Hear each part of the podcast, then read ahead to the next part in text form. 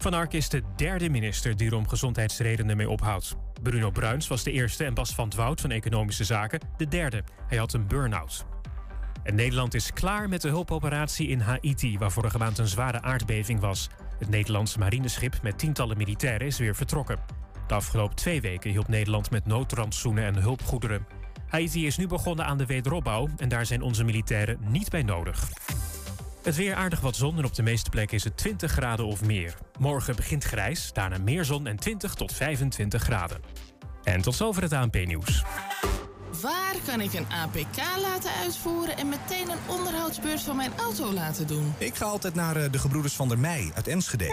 Vakmanschap, passie en echte service zijn kernwaarden van Gebroeders van der Mei. Of het nu gaat om eh, APK-keuringen, reparaties, bandenopslag, totaalonderhoud, deuken verwijderen of een nieuwe trekhaak, zij regelen het voor je. Gebroeders van der Mei vind je aan de Lonnekerbrugstraat 80 in Enschede. Thema beveiliging staat voor betrokkenheid, adequate optreden en betrouwbaarheid. Waar de concurrent stopt, gaat thema beveiliging net een stap verder. Thema beveiliging levert alle vormen van beveiliging voor zowel de zakelijke als de particuliere markt. Thema beveiliging, de beveiligingsorganisatie van het Oosten. Telefoon 053 4800 560 of stuur uw e-mail naar info@themabeveiliging.nl.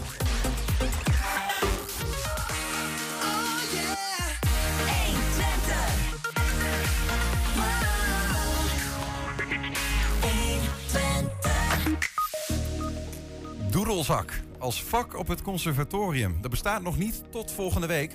Dan is de eerste les ooit op Artes in Enschede. Lossenaar Bert Ulderink is vrijwilliger bij de Formule 1 in Zandvoort. Wij leggen een lijntje. Een spoorfietswagon werd vandaag uh, minutieus op het spoor gehezen gisteren, sorry, in Twekkelo. En wij waren erbij. Ja, en wat vinden Enschedeers het lelijkste gebouw van hun stad? En welke is nou eigenlijk het mooist? Wij zochten het uit. Het is vrijdag 3 september. Dit is 1 Twente vandaag. 1 Twente. 1. 1 Twente vandaag. Ja, de woningnood onder buitenlandse UT-studenten is ook een zaak van Hengelo. De metaalstad profileert zich namelijk maar wat graag als aantrekkelijke woon- en werkstad voor young urban professionals. En waar worden die klaargestoomd? Juist aan de UT en ook op Saxion. Vandaar dat Hengelo graag wil meedenken over de huisvesting van deze studenten. Bijvoorbeeld in tijdelijke woonunits. In de studio is manager stedelijke ontwikkeling bij de gemeente Hengelo. Marcel Diepemaat, welkom. Dank u. Um, ik, ik, neem aan dat Hengelo zich heeft aangeboden, toch? Als je je zo wil profileren uh, als, als stad voor de young urban professionals. Um, nou, we, er is contact geweest met Enschede. En vanuit Enschede is gemeld van, goh, er is een probleem met de huisvesting van uh, studenten. Die willen studeren aan de UT. En op basis daarvan hebben wij gezegd van, maar wij willen wel meehelpen om dat probleem op te lossen. Dus het is een beetje over en weer. Het is niet zo dat wij ons uh, vinger hebben opgestoken en gezegd van, uh, laten wij, um, geven ons de mogelijkheid om uh, te helpen. Nee. Het was een beetje. Ja, maar geef ons de mogelijkheid. Is het toch gewoon zo'n kwestie van. Want je ziet, je hoort er is een, een, een roep om, om woningen op de UT. Dat je dan zegt van als stad. Nou, kom hier maar naartoe. Wij gaan jullie probleem oplossen. Zeker. Maar het lijntje was gelegd. Ja. En op het moment dat het lijntje was gelegd, hebben wij gezegd van ja. Hengelo wil graag ook het huisvestingsprobleem van die studenten oplossen. Mm -hmm. um, samen met Enschede en de UT uiteraard. Ja. En wij zien daartoe ook mogelijkheden om snel die uh, problemen op te lossen. Dus Enschede heeft Hengelo benaderd, of de UT? Beide? Ja, soms lopen lijntjes niet helemaal uh, zo, helder. Zo, zo helder. Er is precies. contact ja, ja, ja. Uh, gekomen en op basis daarvan heeft Hengelo gezegd... wij willen graag helpen om dat probleem mee precies. Dat was de eerste gedachte vanuit Hengelo, van uh, dit gaan we, hier gaan we in mee bijdragen. Ja, kijk, als studenten vanuit elders naar Twente komen om te studeren... Mm -hmm. dan moet je ook als, als stad laten zien dat mensen welkom zijn en ze de mogelijkheid ook bieden om er te komen wonen. En Hengelo is wat dat betreft, u zei het al, een prima plek om te wonen, ook voor studenten. Ja. Um, we hebben een woordvoerder van de UT gevraagd om, uh, nou, om bij ons in dit gesprek mee te doen. Uh, daar heeft hij van afgezien. Er is wel een reactie. Dat gaat er vooral over dat er um, uh, wel wordt gesproken in Hengelo, maar ook in Enschede op, voor, huisvesting. Ook op de campus, daar zijn ze mee bezig. Um, maar goed, voor, voor, nu moeten we het even hiermee doen de vraag is wel even om dit wat, de aanleiding wat te, te, duiden. Wat is er eigenlijk aan de hand op de UT? Hoezo is er geen plek voor studenten? Ja, dat is een vraag die u inderdaad aan de manager van de UT moet stellen. Ja. Wij hebben begrepen dat er geen plek is. Er zijn te veel studenten voor de huisvesting die op dit moment beschikbaar is. Mhm. En op basis daarvan hebben wij gezegd, geef ons de kans om mee te helpen dat probleem op te lossen. Want Hengelo is een prachtige stad voor studenten. En Ja. als ze naar Hengelo komen en ze kunnen daar wonen, dan zien ze ook dat Hengelo mooi is, nog steeds mooier wordt, de binnenstad, Hart van Zuid. Mhm. En ze merken dat de UT eigenlijk net zo ver is of net zo dichtbij vanuit Hengelo dan vanuit Enschede. Het gaat vooral om eh, eh, buitenlandse studenten. De, de reden zou dan zijn dat buitenlandse studenten een iets wat minder groot netwerk hebben hier. Wat makkelijk, minder makkelijk misschien daardoor aan een huis komen. Maar ook dat er Nederlandse studentenhuizen zeggen. Eh, wij hebben het liefst alleen Nederlandse medestudenten voor de groepsdynamiek. Dat is beter voor ons. Ehm, de, de nood is op dit moment hoog. Hè. Het studiejaar is begonnen. Ehm, sommigen zitten in B&B's om die tijd af te wachten. Sommigen hebben afgezien, dat schijnen er weinig te zijn. Maar kunt u op dit moment in Hengelo al iets bieden? Of eh, in welke termijn eigenlijk? Ehm, dan heb je het toch wel snel over eh, weken. En wellicht enkele maanden. Maar dat hangt, dat hangt af van de procedures die nodig zijn om eh, daadwerkelijk die tijdelijke huisvesting te realiseren. Ehm, de gemeente Hengelo heeft een locatie beschikbaar die eigenlijk technisch gezien snel eh, te ontwikkelen is. Die woningen zijn daar snel neer te zetten. Maar welke locatie? niet- Waar hebben we het dan over? we hebben gekeken in Hart van Zuid, omdat dat de plek is waar wij graag studenten en ook afgestudeerden willen huisvesten. Maar omdat daar de eigendomsverhoudingen eh, wat anders liggen dan op, een, op de plek waar wij, eh, waar wij zelf aan denken, dat is rondom Sportlaan Drienen. Daar heeft de gemeente zelf grond in eigendom. En daar zou dus technisch gezien heel snel eh, zouden die woningen kunnen worden gerealiseerd. Maar dat kan natuurlijk niet zonder vergunning. Ja, en zelfs, zelfs de gemeente Hengelo moet vergunningen aanvragen. Juist de gemeente Hengelo. Juist de Ja, gemeente. Wij moeten natuurlijk het goede voorbeeld geven. Ja, ja, ja. Wat voor woningen worden, want die komen dan bij Sportlaan Drienen? Dat, die locatie hebben wij aangeboden. Ja. Ja. En, wa- en wat, wat, eh, eh, wat voor woningen, waar moet ik dan bij aan denken? Zal die, dan die, wel- dat die zo snel uit de grond te stampen zijn? Nou, dat, zal dan, eh, dat zijn waarschijnlijk eh, prefab woningen. Bijvoorbeeld containerwoningen worden genoemd.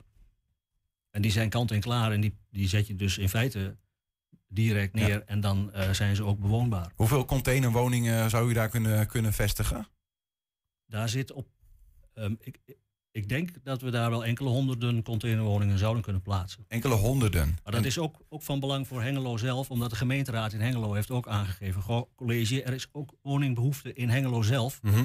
Kunt u niet in de tijdelijke huisvesting ook iets doen voor de Hengeloers die nu al een woning zoeken? En, en die- dat zou natuurlijk een prachtige combinatie zijn. Ja, ja. Dus dan krijg je een soort van eh, tijdelijk eh, eh, wo- woningkamp voor, voor woningzoekenden, Nou, zo te is een zeggen. heel verkeerd woord. Het is een hele mooie plek met veel groen. Het is eh, eigenlijk een prachtige plek om te wonen. En wat is er mooier, u zei het zelf al, de, de, eh, dat je de buitenlandse studenten mixt met de mensen vanuit Hengelo die ook Mhm. naastig op zoek zijn naar een woning. Ja, en is dan ook de hoop dat die eh, studenten eh, de stad leren kennen ehm, en denken van hé, hey, Hengelo is een prima optie, misschien blijf ik hier wel plakken. Dat zou toch prachtig zijn?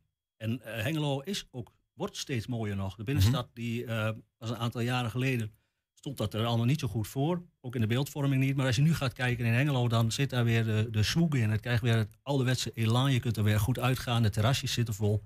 En in Hart van Zuid, net aan de andere kant van het station, daar ontwikkelen wij ook plekken voor, eh, voor, net afgestudeerden die niet, niet direct de woonwijk in willen en een keurig huis en een, een aangeharkt tuintje willen, maar een plek om ook eh, wat andere dingen te doen, wat te werken. Dat bieden wij ook in Hart van Zuid. En dat is natuurlijk ook qua verbindingen een perfecte plek. Hengelo is het centraal station van Twente. En je bent ook via de eh, Laan Hart van Zuid direct op de A35 en op die manier ook snel op de A1. Dus Hengelo is eigenlijk de perfecte plek voor studenten, ook voor eh, studenten die studeren aan de UT. Bestaat daarin een bepaalde mate van concurrentie eigenlijk met Enschede? Ik voel dat zelf helemaal niet zo. Wij zijn, ehm, ik werk nog niet zo lang in de gemeente Hengelo, maar zolang als ik eh, in Hengelo werk, hebben wij heel goed contact met Enschede, omdat wij gezamenlijk hebben wij de, de, de stedelijke opgave te doen, ook samen met Almelo. Maar als je kijkt naar Enschede en Hengelo samen, en zo werken wij ook, Mhm. dan zijn we opgeteld qua inwoners de vijfde stad van Nederland. En, en dat betekent dus dat we die opgave alleen gezamenlijk kunnen aanpakken. Maar Mhm. Hengelo wil daar graag een steentje aan bijdragen. Dus dit is misschien ook wel een mooi voorbeeld van hoe, die, hoe de steden dat eigenlijk samen oppakken. Want u zei al, ja, het komt eigenlijk via Enschede, via de UT, komt het bij Hengelo terecht. Ja. ja, het is ook nadrukkelijk niet de bedoeling dat we elkaar concurreren, maar het gaat erom, er is een concreet probleem. En Hengelo heeft gezegd, laten we dat samen oplossen. Ehm, welke partijen zijn er hier eigenlijk een speler in, in, dit, uh, in die tijdelijke woningen? Hoe, ga, hoe gaat dat uh, te werk straks? Uh, dat, dat, zal, uiteindelijk zal dat een, um, een, een, bedrijf zijn dat die woningen plaatst. Mm -hmm. en, en de verhuur gaat dan waarschijnlijk via een, een woningcorporatie. Ja, ja. En is het dan de hoop dat uiteindelijk, wat u noemde ook Laan Hart van Zuid, dat moet ook een plek worden waar dit soort, uh, waar bijvoorbeeld UT-studenten uiteindelijk zich zouden moeten kunnen gaan vestigen? Ja. Dat kan op dit moment nog niet. Dat kan, nou ja, niet per se studenten. Maar wel um, net afgestudeerden. Ja. Maar is dat met de kosten van de, van de woningen te maken? Nou, het gebied is nog volop in ontwikkeling. En um, juist nu zijn we bezig met plannen voor um, de, wat, wat dan wel genoemd wordt, ja, u noemde zelf de, urban, de young urban professional de of de, de, de uh, urban creators wordt het ook wel genoemd. Maar het gaat gewoon eigenlijk om mensen die net afgestudeerd zijn, nog niet toe zijn aan, aan een huisje met een tuintje, maar uh, wel lekker willen wonen Ja. dichtbij waar, waar het gebeurt in de binnenstad van Hengelo, go- met goede verbindingen. Waar je ook nog een beetje uh, de plek hebt om, om, om wat, wat, wat te, te, te knutselen, wat te prutsen. Als je bijvoorbeeld een technische studie hebt gedaan, Mhm. dat je ook op die plek uh, kunt werken, kunt, kunt uitvinden, bij Ja. wijze van spreken. En op dit moment is dat gewoon nog niet mogelijk omdat die woningen nog in ontwikkeling zijn. Ja, ja. Simpelweg. Ja. Wat, dat, wat dat betreft is het een hele mooie combinatie. Ehm, die, die tijdelijke woningen die staan er niet zo heel lang. Want eh, het gebied rondom de Sportlaan Driene dat we hebben aangeboden, dat, eh, dat gaan we herontwikkelen. Maar vooruitlopend daarop zouden wij daar al die, eh, die woningen kunnen plaatsen tijdelijk. Ja. En op het moment dat je dan in de fasering toe bent aan die locatie, dan, ehm, dan eh, ze- zijn ze ook, als het goed is, niet meer nodig. Kunnen ze overstappen? En dan kunnen we ze er wellicht ergens anders Betekent dat dat die tijdelijke woningen er misschien wel, wel jaren nog staan? Of niet? Nou ja, er eh, moet natuurlijk ook een verdienmodel eh onder liggen. Die, een, een, een bedrijf dat die woningen plaatst, doet dat niet alleen uit liefdadigheid. Mhm. Eh, dus daar zit een terugverdientijd op, maar dan heb je het over een jaar of vijf. Oké, dus de, we moeten die tijdelijke woningen die nu moeten gerealiseerd worden in de komende weken, eh, zouden daar vijf jaar kunnen blijven staan aan de Sportlaan Driene? Misschien wel langer, Misschien wel als langer. daar de behoefte naar Ja. is. Maar op, op een bepaald moment moeten ze daar weg, omdat wij dat gebied gaan herontwikkelen. Precies, ja. Maar dat kan in een fasering, dus je kunt al met herontwikkeling starten als die woningen er nog staan. Wanneer, eh, want een paar aantal weken, er is alleen nog vergunningen moeten, er- moeten er ook nog komen. Zit dat ook voor een aantal weken, ligt dat ook in de pijplijn? Nou ja, kijk, zover is het nog niet. Omdat eh, eerst moet helder zijn van ehm, hoe, hoe ziet het financiële plaatje er ook uit? Wat is precies de vraag? Ehm, wie, wie gaat het realiseren? En wat gaan ze precies realiseren? En, dan- en, en dan kom je in het vergunningentraject. Mhm. Maar op het moment dat het duidelijk is, dan, dan kan die vergunning snel worden verleend. Maar daar zit er natuurlijk ook nog weer een, een termijn van bezwaar eh, aan.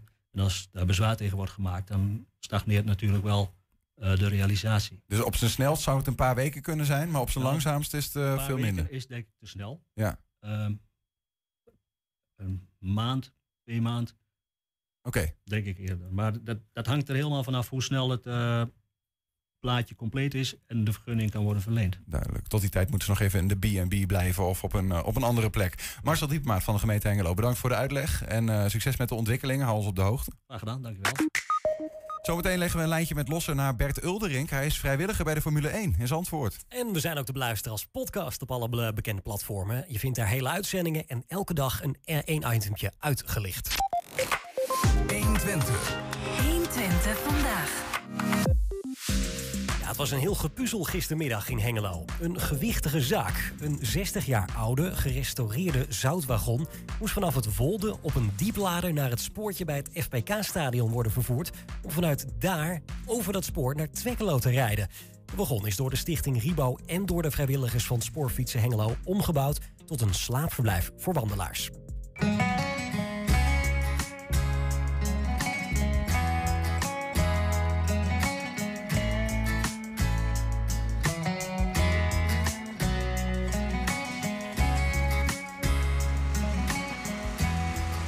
Zijn hier bij Ribo. Eh, de timmeropleiding van het ROC heeft ons geholpen om deze wagon aan de buitenkant helemaal te timmeren, de binnenkant helemaal in orde te maken. Wij als vrijwilligers hebben uh, voor de afwerking helemaal gezorgd. De badkamer is erin gekomen. We zijn nog steeds wel mee bezig, maar het grootste gedeelte van het werk is eigenlijk gebeurd. Want dat is dus de reden dat wij hier bij het Ribo staan. Daar is de wagon eigenlijk vanaf af aan helemaal opgebouwd. Nou gaat hij straks over de autoweg, over de A35. En dan, komt hij straks bij het FPK aan. En daar wordt hij dan weer op de rails gezet. Ja, dus dat is nog wel eventjes werk. Dat is nog even werk. Dat zal wel een spektakel worden, denk ik.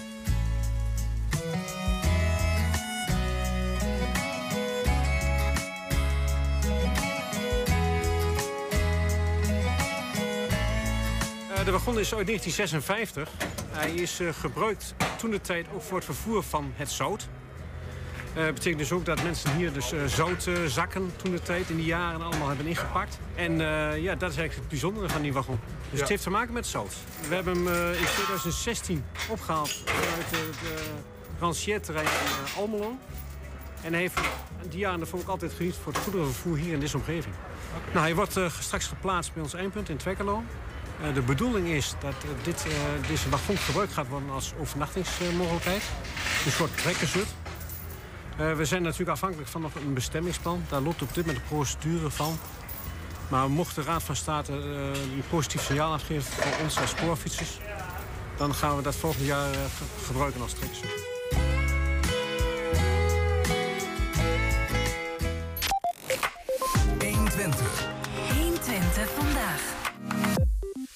Nederlandse Formule 1-fans hebben er eh, langer op moeten wachten dan ze lief is. De Dutch Grand Prix 2021 in Zandvoort. Dit weekend zijn de ogen van de hele wereld op het strandplaatsje gericht.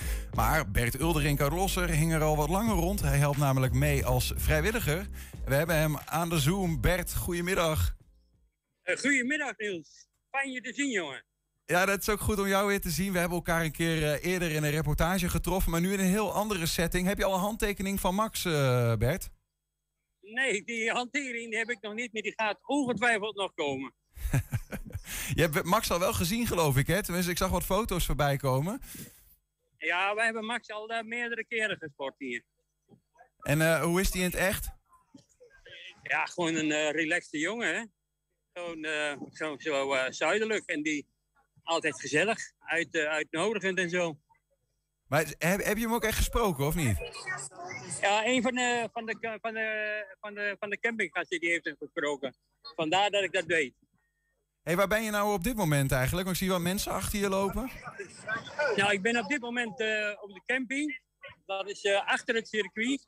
En achter mij staat, uh, staat, staat de official merchandise truck. En ja, van dat stukje ga ik zo meteen even een stukje lopen. De, achter jou staat de merchandise truck van, uh, van Max Verstappen. Is, is, is, is, is daar, als je iets bijdraait, Bert, dan kunnen we hem helemaal zien, volgens mij. Um, is daar, is, staan er veel mensen voor? Oh, dat valt nog wel mee. Ja. Kun je het zien? Ja, ik zie het. Maar moet het, nog, moet het nog een beetje druk worden of is het al helemaal overbevolkt daar? Nou nee, er zijn nu trainingsrondes op, de, uh, op het circuit en uh, daar zitten echt alle mensen nu. We hebben wat beelden nog, eh, Bert, die je hebt opgestuurd van die trainingsronde. Ik weet niet of we dat uh, kunnen laten zien. Uh, dan hebben we een beetje een beeld vanaf jouw plek hoe dat eruit zag. Maar ben jij zelf trouwens een beetje Formule 1-fan? Vind je dit ook, is dit ook voor jou helemaal top, naast dat je vrijwilliger bent?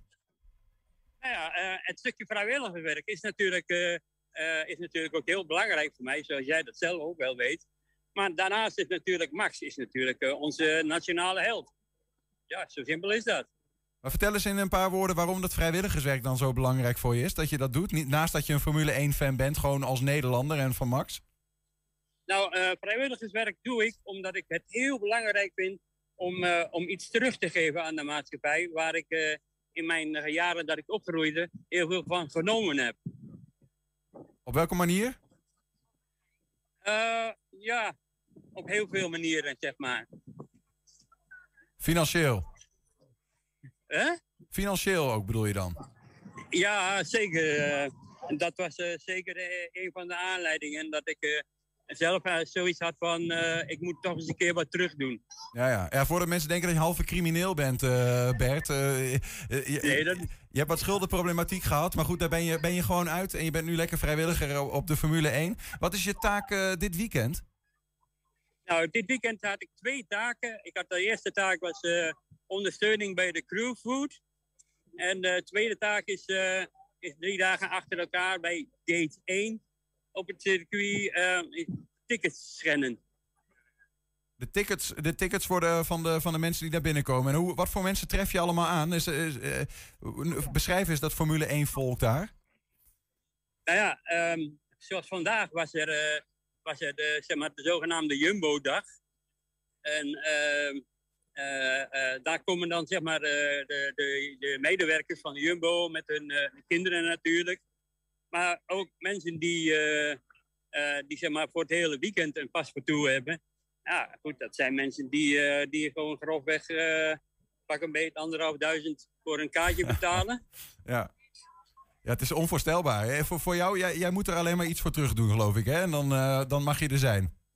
Ja, precies. Zondag, uh, zon, zondagmiddag uh, dan mogen wij als vrijwilligers bij, de race, bij de race zelf aanwezig zijn. Op de tribunes. Dus, dus dat is wel weer een heel leuk, heel leuk dingetje.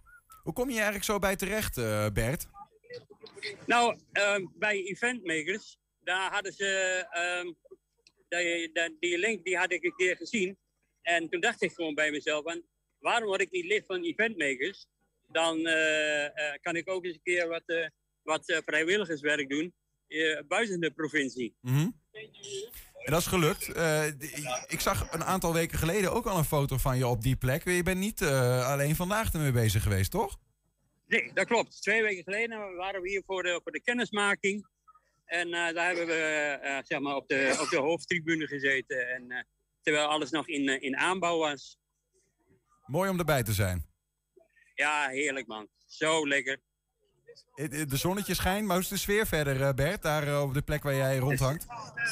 Ja, de sfeer is, is gewoon top. Je hebt, uh, je hebt, je hebt hier, je kun, je kun je wel zien, hopelijk, hopelijk. Daar, oh ja, staat ja. de hele, hele camping die staat gewoon hartstikke vol. En iedereen is, uh, is, is, is, iedereen is, uh, is vrolijk, iedereen werkt mee. Iedereen deelt met uh, wanneer dat nodig is. Het is een hele coole, hele relaxte sfeer. Gebeurt er ook nog iets buiten eigenlijk dat, uh, dat, die, die, dat circuit, zeg maar? Wat gebeurt er allemaal in de binnenstad van Zandvoort bijvoorbeeld? Of, of echt net buiten het circuit? Uh, buiten het circuit, ja, de horeca die, die gaat, gaat er natuurlijk enorm op in. En die, die heeft, die heeft de, natuurlijk de, de Formule 1 uh, um, uh, recepten en, en afspraken en noem maar op. Dus ja, de Hora en de hele stad die haakt erop in. Een snelle biefstuk uh, kun je pakken ergens. Alles is fastfood dit weekend. nou, niet echt. Uh, gisteravond hebben wij bij een, uh, restaurant ge, gegeten. Dat lag, lag, aan het strand. Dat was het restaurant Strand 21. Dat is bijzonder goed eten. Ja, lekker hè. Voor, zo'n, voor een Enschede of voor een Lossenaar als jij toch wel lekker om even zo aan het strand te zijn soms. Oh joh, het was al twaalf jaar geleden dat ik er geweest was. heerlijk dus het was voor mij, ja, het was voor mij gewoon heerlijk. Ja, dus die, die zee die heeft dan gewoon iets magisch. Wat is de eerstvolgende taak die je hebt, uh, Bert? Ben je nu even vrij? Ik ben nu vandaag uh, voor de rest van de dag vrij. En morgen vroeg om, uh, om half zeven moet ik me weer melden om van zeven tot twee weer tickets te scannen. Ja, ja. En dat zijn de mensen die dan bij de kwalificaties gaan kijken morgen. Ja, precies. En wat ga je dan nu de rest van de dag nog doen? Nou, ik ga, uh, ik ga zo meteen ga ik, uh, ga ik lekker even bij, het, uh, bij mijn tentje zitten. Ik ga wat eten, ik ga wat drinken en dan ga, ik de, ga ik de stad nog even in. Veel plezier Bert dit weekend en zondag bij de race. Dankjewel Niels. Jullie ook bedankt. ja, graag gedaan hoor. Bert Ulderink uit, uh, uit Losser is vrijwilliger bij de Formule 1 in Zandvoort. Goed weekend. uh, Doedel, eigenlijk ben je wel jaloers hoor, dat hij er wel is en uh, ik niet. Maar goed, dat, ja, jij had er graag willen zitten? eigenlijk wel. Ja, een goede vriend van mij zit er ook en dan krijg je allemaal fotootjes vandoor. Heerlijk, heerlijk. Goed, uh, we kunnen ook blijven kwijlen, maar we hebben zometeen nog wel andere leuke dingen. Want doedelzak als vak op het conservatorium bestaat nog niet. Tot volgende week. Dan is de eerste les ooit op het Artes in Enschede. Straks neem alvast een voorproefje. 120. 1. 120 vandaag. Met een zoektocht naar invulling van de rubriek Stelling van de Week. En met de Open Monumentendagen op komst zag collega Tim een uitgelezen kans om Enschedeers eens te ontlokken. Wat zij eigenlijk het lelijkste en het mooiste gebouw van de stad vinden. Volgende week beginnen de Monumentendagen. En wordt ook de prijs voor het mooiste Enschedese monument uitgereikt.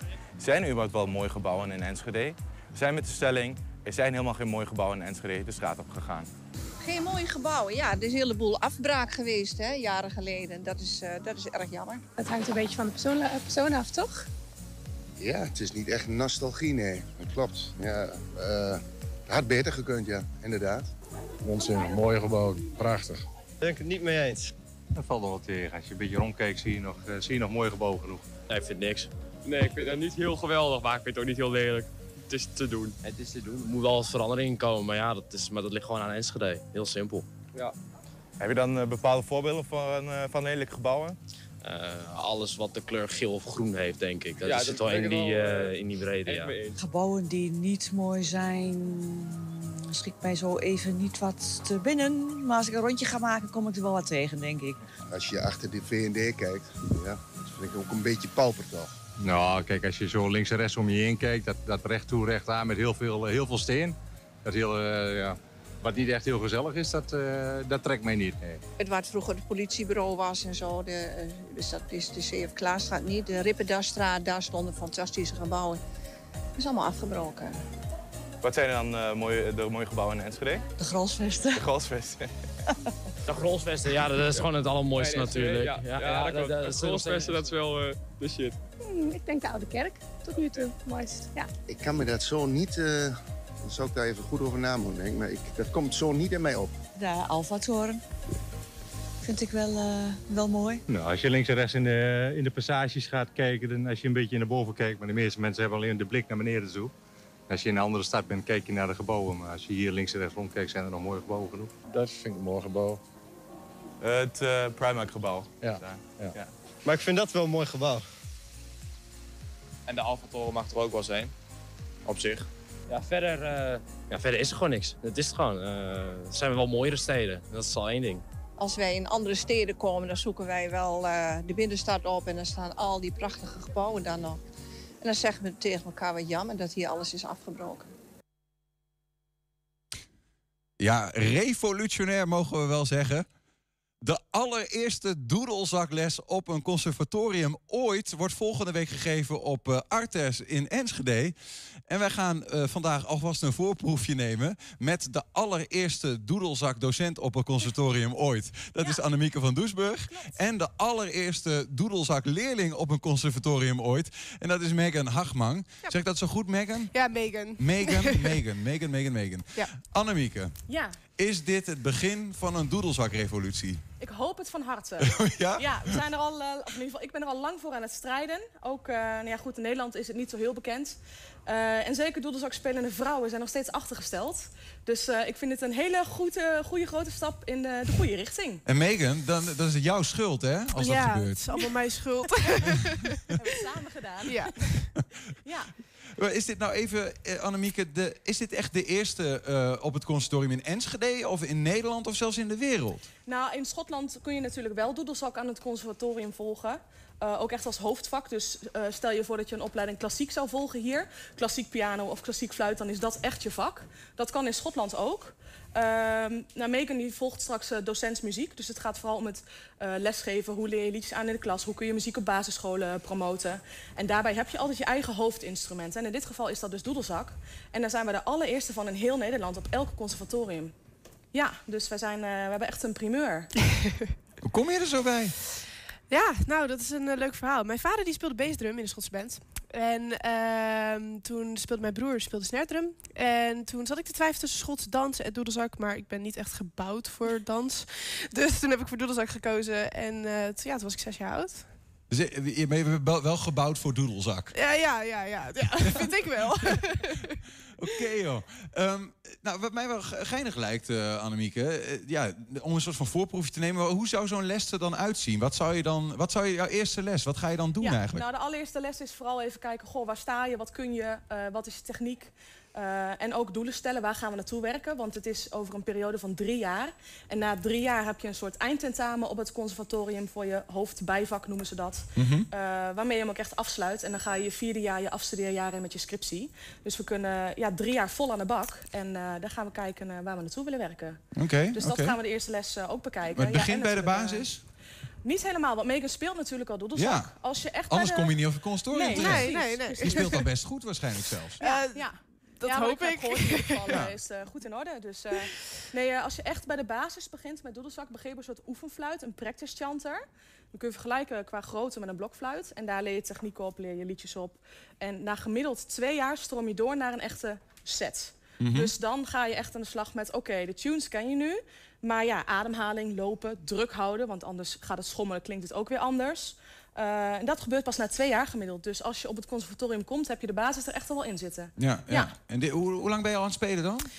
Eh, ik ben op mijn zesde ben ik begonnen met blokfluit. Dat heb ik een jaartje gedaan om de vingerzetting een beetje te leren. En toen ben ik op mijn zevende doorgaan naar chanter. En toen ik tien was, eh, ging ik naar de doedelzak. En die chanter is dus die, de voorloper van de doodles. Ja, dat is een soort oefenfluit waarbij je, hij zit hier ook aan. Hier spelen we de melodie straks op. Ja. En de chanter is eigenlijk dit zonder het tussengedeelte met een kopstuk, zeg maar, waar je dus rechtstreeks blaast om techniek te oefenen. Vanaf je tiende speel je doedelzak? Hoe Ja. oud ben je nu?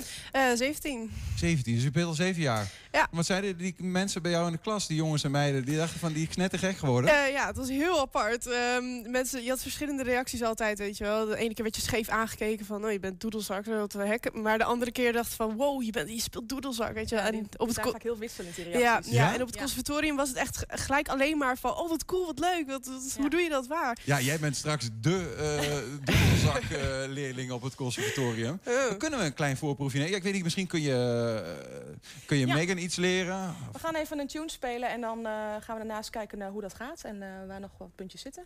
Dus dat kunnen we even doen. Top. Gaan we wel staan, want anders wordt het lastig. Oké.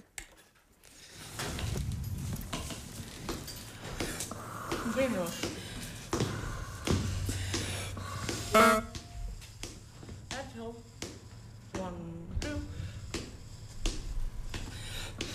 Bye.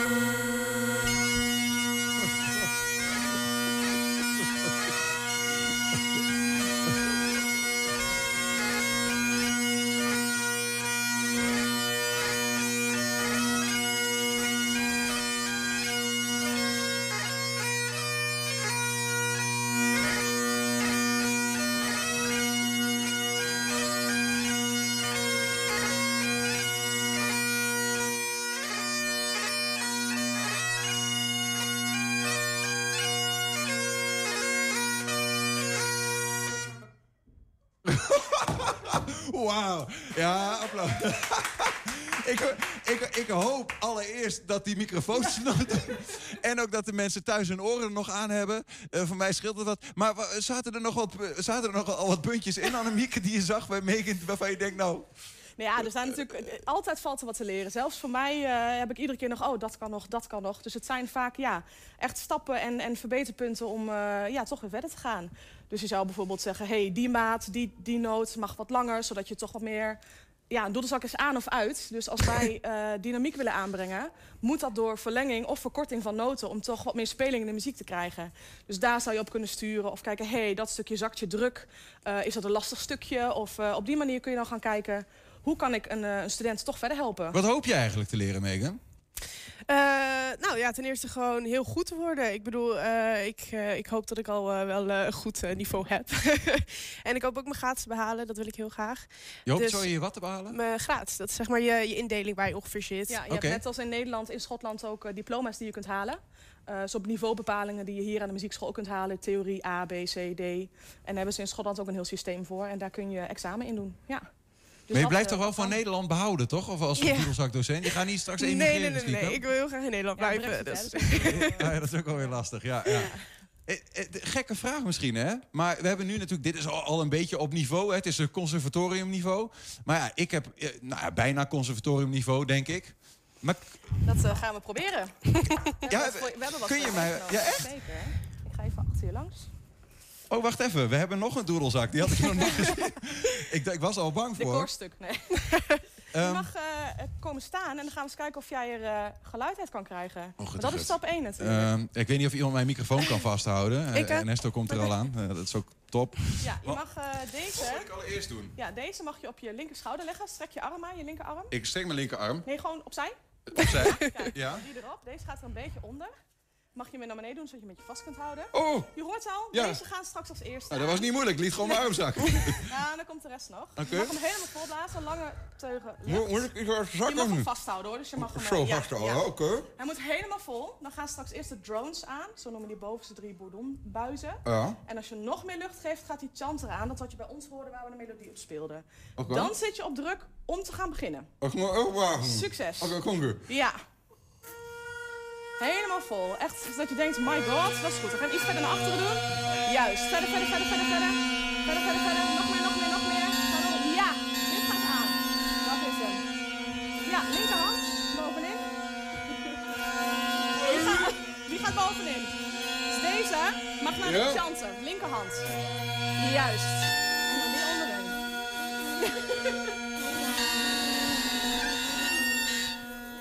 nu? En dan kun je gaan spelen. Maar, maar hoe werkt het spelen dan? Ja, dat is dus die allereerste anderhalf, twee jaar. Want je moet al die noten ga je leren op een practice chanter, een oefenfluit. Maar, wist, maar hoe, kan ik dan, hoe kan ik überhaupt die? Ik heb helemaal geen ventielen of zo. Hier zitten alle gaatjes. Dus je Oh, linkerhand gaat hier. oh, die had ik helemaal niet gevoeld.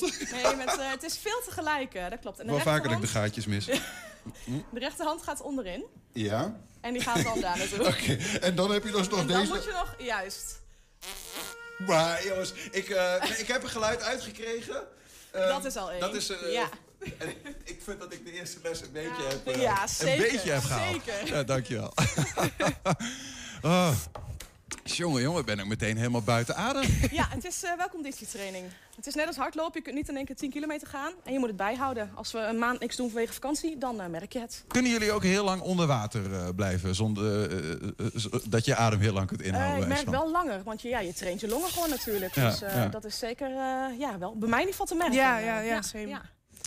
Ehm, hoe werkt zo'n instrument eigenlijk in de, in, in, in de basis? Ja, nou ja, je, je zag het net al bij, eh, bij jou. Je blaast ehm, de lucht hierin, in de blowpipe noemen ze dat, nee, Ja. een blaaspijp. Dan komt het in de zak. Die moet je helemaal vullen en zorgen dat die druk gelijk blijft. Zodat je een constante toon krijgt. Anders gaat het natuurlijk wiebelen en dan wordt het vals. Dan gaan deze drones gaan aan. Daar zitten rieten in. Als ik hem open krijg... Ze moeten ook goed vastzitten, want anders dan verlies je lucht. Ja, dat is al helemaal niet praktisch als je zo, al zo hard je, moet... je moet eh, wel hard blazen en dan verlies je alleen maar Ja? meer. Die gaan dan aan als je genoeg druk geeft. Eh, en als je dan eh, nog meer blaast, nog meer druk geeft... dan gaat dus het chanter aan, dat gedeelte waar je op speelt. mhm. Daar zit ook een rietje in, dat is een houten rietje. En daar komt de melodie uit. En omdat die rieten best dik zijn, klinkt die ook zo hard. Oké. Ik zal hem even uithalen. En dat ziet er zo uit. Het is eigenlijk net als bij een hobo of een... eh, ja, een hobo eigenlijk, de Ja, riet. ja, ja, een stuk dikker en daarom klinkt hij ook zo hard. En vandaar ook dat je, je de blokfluit de allereerste voorbereiding eh, was. Ja, kan. Maar wist ja. je toen al van ik ga uiteindelijk zo'n doedelzak spelen? Ja, ik was nog eigenlijk te jong. Want normaal is het eigenlijk verstandig om om zeven jaar te beginnen. En ik was nog gewoon een jaar te jong. Maar ik wilde zo graag beginnen dat ze zeiden van... nou, ga eerst dan maar blokfluit doen. Maar hoe komt dat zo? Waar- hoe ben je besmet geraakt? ja, door mijn vader. Je vader speelt ook. ja, mijn vader die is wel gestopt. Maar ik, ja, dat was wel mijn inspiratie.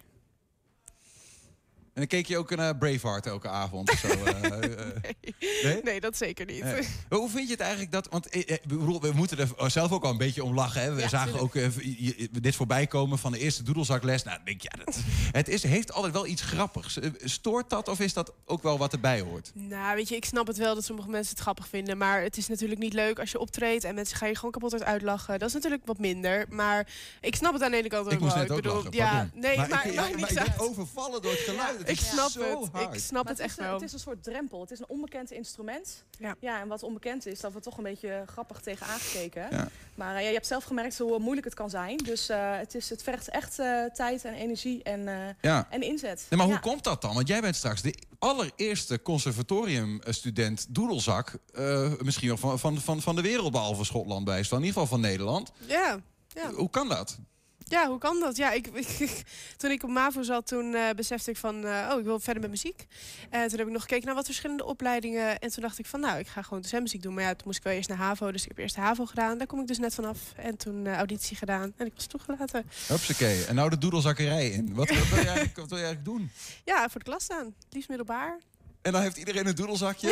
of een uh, die chanter? Nou, helaas Ja, denk ik niet dat dat gaat gebeuren. eh, ja, je hebt verschillende bands in Nederland waar je terecht kunt. Maar ik merk wel, ik sta ook in het onderwijs, want ik heb dezelfde opleiding gedaan. Eh, ik neem hem natuurlijk altijd mee naar school. Ik bedoel, de leerlingen vinden dat prachtig. Ja, ja, en ik ja. bedoel, welke muziekdocent speelt er nou doedelzak? Ja, Die ja. vinden dat helemaal geweldig. En zo breng je wel weer die doedelzak meer aan de man. Dus Maar- het is en-en. Maar wat wil je dan wel? Want je kunt doedelzakles dus niet echt geven op middelbare school. Nee, dan, nee, toch? nee. Maar ja, weet je, je kunt wel mensen kennis leren maken met het eh, instrument. En dat je ook gewoon wat meer aandacht en publiciteit trekt voor, de, voor het instrument. Dat het ook weer wat groter wordt. Ja. Meer mensen lessen willen nemen. En dat hoop ik toch ook wel een beetje te bereiken. Hoeveel uur per week krijg je dan straks echt doedelzak, doedelzakles? Ehm, ge- op het conservatorium heb je Ja? natuurlijk heel veel verschillende vakken. Dus de rooster is heel erg vol. Eh, en waarvan je instrument dus een deel is. Dus dat is een half uur per week. ja, ja. En ja. dat is eh, krap, want je ziet eh, hoeveel we al kwijt zijn aan... Je moet in elkaar zetten, stemmen, onderhoud. Oh, we kunnen even dit, oh, we kunnen even dat. Dus ik weet zeker dat het zo voorbij gaat vliegen. Waar heb je het zelf eigenlijk geleerd, Annemieke? Want jij had geen conservatoriumdocent. Nee, ik heb zelf ook toelating gedaan destijds. En toen zeiden ze, ja, ja wel, dat kon niet. Dus ik heb andere instrumenten gekozen. Ehm, maar ik ben eh, begonnen in Borculo bij de Highland Valley Pipes and Drums. Ook via mijn vader, dus bekend verhaal. en eh, mijn hele familie is eh, eigenlijk ook daar actief. En toen ben ik begonnen met spelen.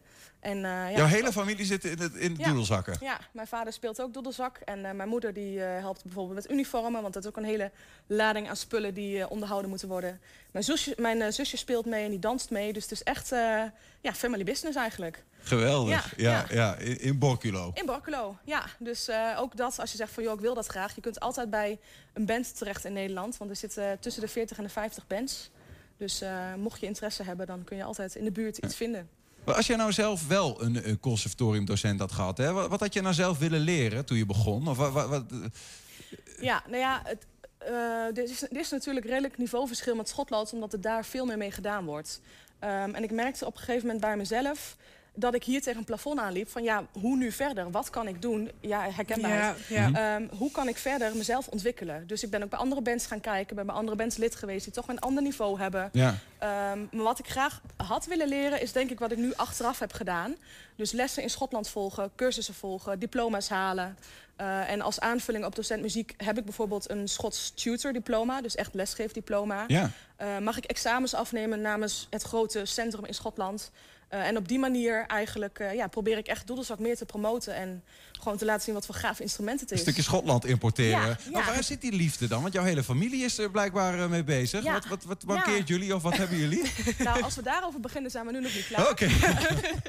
nee, maar ja, ook ooit ingerold. Mijn vader zag dat en vond het ook heel gaaf. Ook weer van of helemaal niks of helemaal geweldig. Nou ja, wij zaten aan die kant.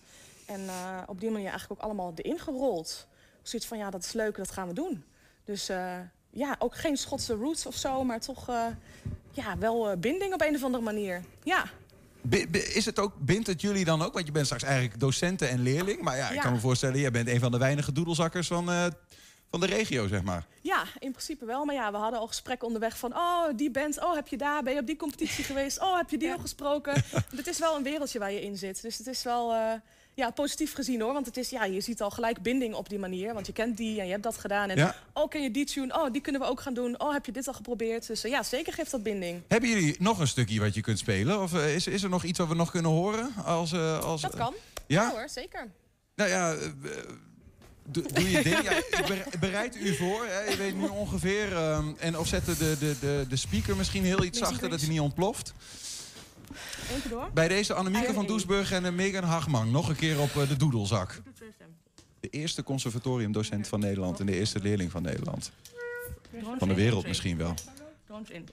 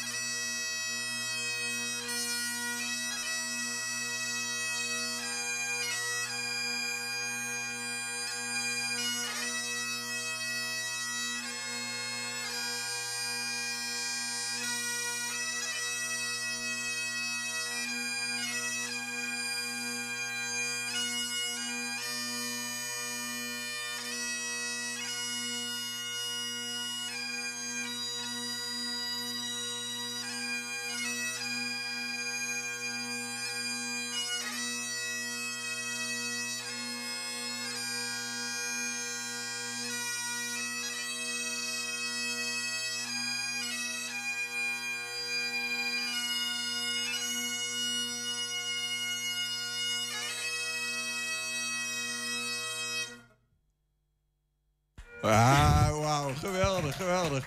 Ja, het, stukje waarheen leidt de weg, kan ik hieruit ja, herkennen. ja, een stukje ja. meer stemmigheid. Als we Ja, maar even in het thema zeker. evangelie blijven. Deze boodschap van de, eh, doedelzakkerij moet verspreid worden. Ja. Tot slot, Ja. Ehm, Megan, als er één schaap over het dam is, volgende meer. Is dat een beetje de hoop? Ik hoop het heel Zeker. erg. Ik hoop het echt heel erg. Ik hoop Ja. ook dat mensen zich meer aansluiten bij bands. Het staat altijd open, weet je wel. Mijn band staat ook open. Pegasus Pipes and Drums. Ehm, altijd leuk, altijd leuk. Dan krijg je misschien wel les van mij. Want ik geef toch al les aan een klein jongetje. Het is heel Ja, volgens mij is dat in ieder geval hartstikke gezellig. Sowieso. Ja. Ontzettend bedankt voor jullie komst. Eh, de eerste doedelzak-docent op een conservatorium in Nederland, Ja. Annemieke van Doesburg. En eh, haar leerling Megan Hagman. En heel veel plezier de komende jaren. Ja, bedankt. Megan. Bedankt dat ik hier mocht zijn. Zo, ik moet heel even mijn oren weer laten testen. Volgens mij wel heerlijk. Goed, heerlijk was dat. Straks de column van Bart Peters Weem. En heb je een tip voor ons als redactie? Mail dan even. Vinden we leuk. Info 120.nl 120. 1. 120 vandaag. Wat doe je als je raadslid bent? Groen raadslid. En het gevoel blijft houden dat jouw groen politieke bijdrage te weinig zoden aan de dijk zet. Om toch even een klein beetje in die sfeer te blijven. Actie voeren tegen jezelf, dat is misschien wat gek. Marianne Schouten liep lang rond met de vraag en heeft een manier gevonden. Elke vrijdag zit zij op een bankje voor het Enschede Stadhuis voor Klimaatpraat. Vandaag was de eerste editie. Het is vrijdag 3 september. We staan hier voor het Enschedese Stadhuis, waar Marianne Schouten, raadslid voor GroenLinks, op een stoepje zit of op een bankje.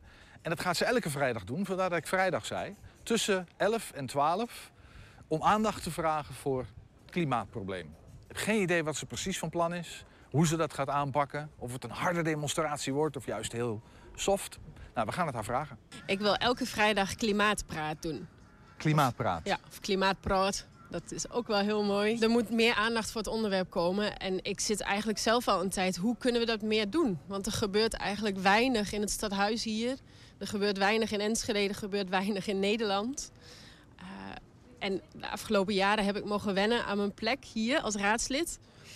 Eh, en het voelt soms misschien nog onmachtiger. Want dan denk ik, ik zit in die politiek, ik mag nu meedenken en meepraten. Maar ja, dan moet er wel een meerderheid zijn van die 39 raadsleden die dat ook vindt. Anders wordt het nog weggezet van, ach, groene idealist.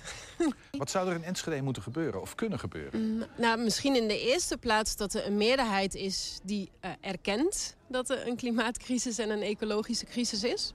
Ja, maar ik hoor niemand dat ontkennen. Als we erover stemmen in, in de Raad, er zijn vanuit onze partij deze periode twee keer een motie ingediend, dan is er een meerderheid die tegenstemt. Ik vind het heel leuk om met Marianne te praten, omdat zij eh, uit de psychologie komt. En ik ben een typische techneut. Dus als je, ik, ik, ik, ik denk na over technische oplossingen. En eh, de, de, de acceptatie waar Marianne het net over had, die is ontzettend belangrijk. Want de technische oplossingen, die zijn er eigenlijk al. Er zijn heel veel oplossingen. Eh, maar het hangt erop dat men dat gewoon niet wil. En, en, Maar waarom dat is- wil men dat niet? Wat, wat is het probleem daarmee? ja, dat weet ik niet. Eh, Dat, ik denk, eh, het is, het is de, de natuur van de mens misschien wel. Het is het, het, het korte termijn denken. Het korte termijn denken. Ja, en de hele, de hele, de hele eh, modus waar we nu in zitten met ons eh, economische groeimodel. Eh, Het, het, het schijnt goed. We zijn nu allemaal heel blij na de coronacrisis dat de economie weer aantrekt. Ik word er heel bedroefd van, want ik denk, ja, meer consumeren, meer consumeren. Zo maakt het probleem van het klimaat alleen maar groter.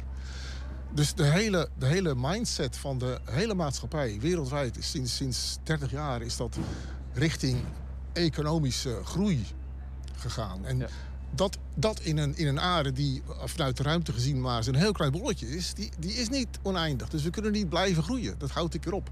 Eigenlijk moeten wij naar buiten. Want we moeten juist proberen de mensen te overtuigen die niet, die niet overtuigd zijn van het feit dat we echt wat moeten gaan doen. En dat moet klein beginnen. Je moet, ik kan niet de mensen in, in China gaan vertellen dat zij anders moeten gaan leven. Dat moet klein beginnen. En, en eh, ik, ja, ik, ben, ik ben een- een heel positief ingesteld mens. En ik denk op een gegeven moment komt het wel. En als het niet komt, nou, dan is het jammer. Dan, dan zijn wij de dinosaurussen van, eh, van het heden. Dan is het echt voorbij. Dat is voorbij. Maar, maar dan, dan is de wereld niet vergaan. Dan krijgen we weer een hele mooie wereld met andere, andere eh, wezens, andere mm, leven. Wat misschien nog veel mooier is, want die mens die is niet zo mooi. Ja, Theo net noemde wel van het... eh, we zijn geen activisten. Ik denk ook dat je het anders mag noemen, Theo. Ik denk dat het ook is dat jullie dan bezig zijn met realisme. Omdat het zo gek is dat we dat zo lang zo gedaan hebben. En dan probeer je dus als eh, nou ja, logisch nadenkend mens... probeer je dan ook te bedenken, hè, dat kan toch gewoon echt niet. En als je daar dan tegenin gaat, dan ben je heel snel activist. Ik ben ook al zo vaak genoemd, terwijl volgens mij is dat een fout woord. Want je bent dan gewoon realist en je probeert op te komen voor wat goed is en, nou ja, en wat zwak is. Dat je dat dus wil beschermen. Eerder heb ik ook wel eens bedacht, ik ga elke vrijdag protesteren voor het stadhuis. Maar goed, het is ook mijn kantoor, dus dat is een beetje gek om tegen mezelf te protesteren. Wel van collega's teruggehoord. Dus nu eh, is eigenlijk dit ook ontstaan naar aanleiding van het nieuwe IPCC-rapport, die eigenlijk nog ernstiger is. Eh, en bij mezelf soms ook wel echt gevoelens van klimaatdepressie. En ik dat volgens mij ook wel bij meer mensen merk. Eh, laat ik elke vrijdag met iemand het gesprek aangaan om te horen hoe sta jij erin? Hoe doe jij dat? Zijn er nog hoopvolle dingen die we wel kunnen doen? Mensen in Enschede of verder mag zeker ook Klimaatpraat. Vrijdag tussen 10 en 12 kom ik graag met jou in gesprek of met u. eh, om te praten over de situatie in de wereld. En in Enschede natuurlijk, wat we lokaal kunnen. Maar vooral wel die ontmoeting hebben en erbij stilstaan. Eh, een klimaatpraat, daar moet gewoon veel meer gebeuren. Al dus eh, Marianne Schouten, die daar dus iedere week op vrijdag nu gaat zitten, in dit geval, of gaat staan om te praten over klimaat. Ja, het brengt ons bij onze volgende gast. Dat was ook wel een, eh, een linkse gekkie. Ja, jij zegt het. Bart Peter Zweem, goedemiddag. Goedemiddag. De toon is gezet. Ja, ja. Is dat iets voor jou ook eh, om mee te doen, om je aan te sluiten bij deze protestsong Nee, van joh, Marianne? ik, vind het, ik vind het prachtig dat mensen een ideaal hebben. Dan, gaan, dan, gaan ze ook echt, dan zijn ze bereid om daarvoor ergens te gaan zitten. Ik denk als ik ergens ga staan, dan is het waarschijnlijk voor de snackbar met een kroketje. Dat- meer dan dat, daar heb ik de wilskracht niet voor. Ik moet het op andere manieren doen, eh, vrees ik. Zou jij het wel doen? nee. Jij zit elke dag hier. Ja. Dat is ook een hele prestatie. Dat is ook een prestatie en een lot wat je meetorst in het leven. Nee.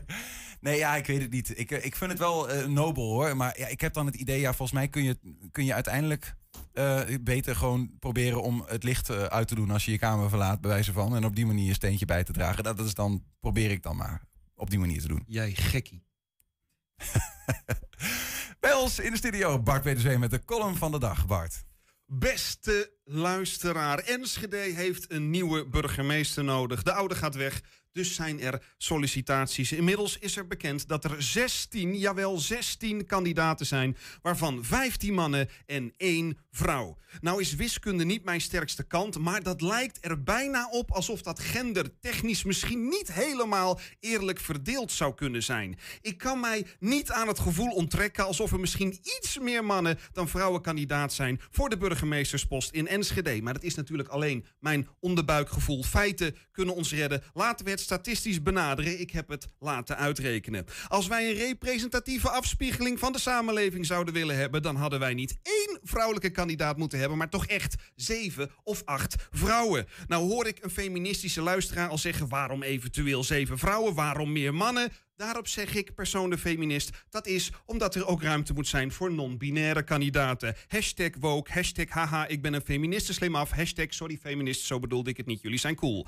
Maar de vraag is natuurlijk wel, waarom zijn er 15 mannelijke kandidaten voor de burgemeesterspost in Enschede en maar één vrouw? Wat zegt dit over Enschede. Zouden mannelijke kandidaten misschien meer geïnteresseerd zijn in onze stad van bier en voetbal? Of zou het zijn omdat we een stad zijn van een technische universiteit? Of misschien omdat Enschede heel puberaal ook wel Enschede of Pluskut wordt genoemd en vrouwen daar niks mee te maken willen hebben? Of durven vrouwelijke burgemeesterskandidaten misschien niet door de fietstunneltjes?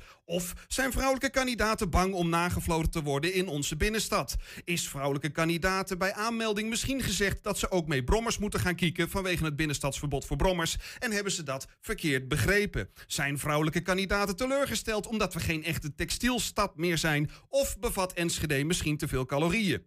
Of zou elke verklaring die ik zojuist gegeven heb eigenlijk behoorlijk flauw en seksistisch zijn? En is er geen goede verklaring voor zo weinig vrouwelijke kandidaten? Zou het misschien kunnen zijn dat dit een voorbeeld is van de Nederlandse mannelijke bestuurderscultuur, waarin vrouwen stiekem toch een beetje minder geschikt worden gevonden als, ik noem maar iets, burgemeester of minister-president? Maar ik begrijp ook wel dat ik natuurlijk te hard van stapel loop. Ha, een vrouw als premier, dat doen alleen hele progressieve landen als de innovatieve Filipijnen, het moderne Nicaragua en trendsetter Liberia. Zoiets moet je niet verwachten van conservatief Nederland en al helemaal niet van Twente. Wat dat betreft is het feit dat er bij 16 aanmeldingen ook een vrouw zit, dat is eigenlijk best heel erg progressief. Enschede, de stad van de toekomst. Zul je zien dat die vrouw het wordt, uiteindelijk. Laten we het hopen. Who knows. Of stiekem heeft hij zelf zich aangemeld. Hè? Dat kan natuurlijk ook. Ja, dat kan. En tegenwoordig kan dat ook al. Ja, eh, dat Bart het doet als vrouw. Dus wat dat betreft, eh, wie- zelfs nu weet je niet hoeveel mannen en vrouwen er echt in zitten. En nou wordt het een heel ingewikkeld wordt heel verhaal. ingewikkeld. Goed, Bart, dankjewel voor je column. Ja, dat was hem alweer. 120 vandaag voor deze week. Maandag dan zijn we gewoon weer terug. En check alles vooral even terug op 120.nl. Vanavond 8 uur, 10 uur op televisie. En ik zeg een heel goed weekend. Ik ook. Goed fijn. weekend. Goed weekend. Tot maandag. 120. Weet wat er speelt in Twente. Met nu het nieuws van Goedemiddag, ik ben Michiel Frazenstorm. Festivalorganisator IDT wordt blij van de grote horde mensen die bij de Formule 1 in Zandvoort zijn. Dat geeft hoop voor onze eigen sector, zegt het bedrijf. Minder positieve reacties zijn te lezen op social media. Mensen delen beelden waarop te zien is dat racefans op een kluitje in de rij staan. Ze begrijpen er niets van. De nieuwe getuige in de zaak tegen Jos B. wordt over een kleine anderhalve maand door de rechter verhoord. Hij beweert dat Jos B. hem in de gevangenis heeft verteld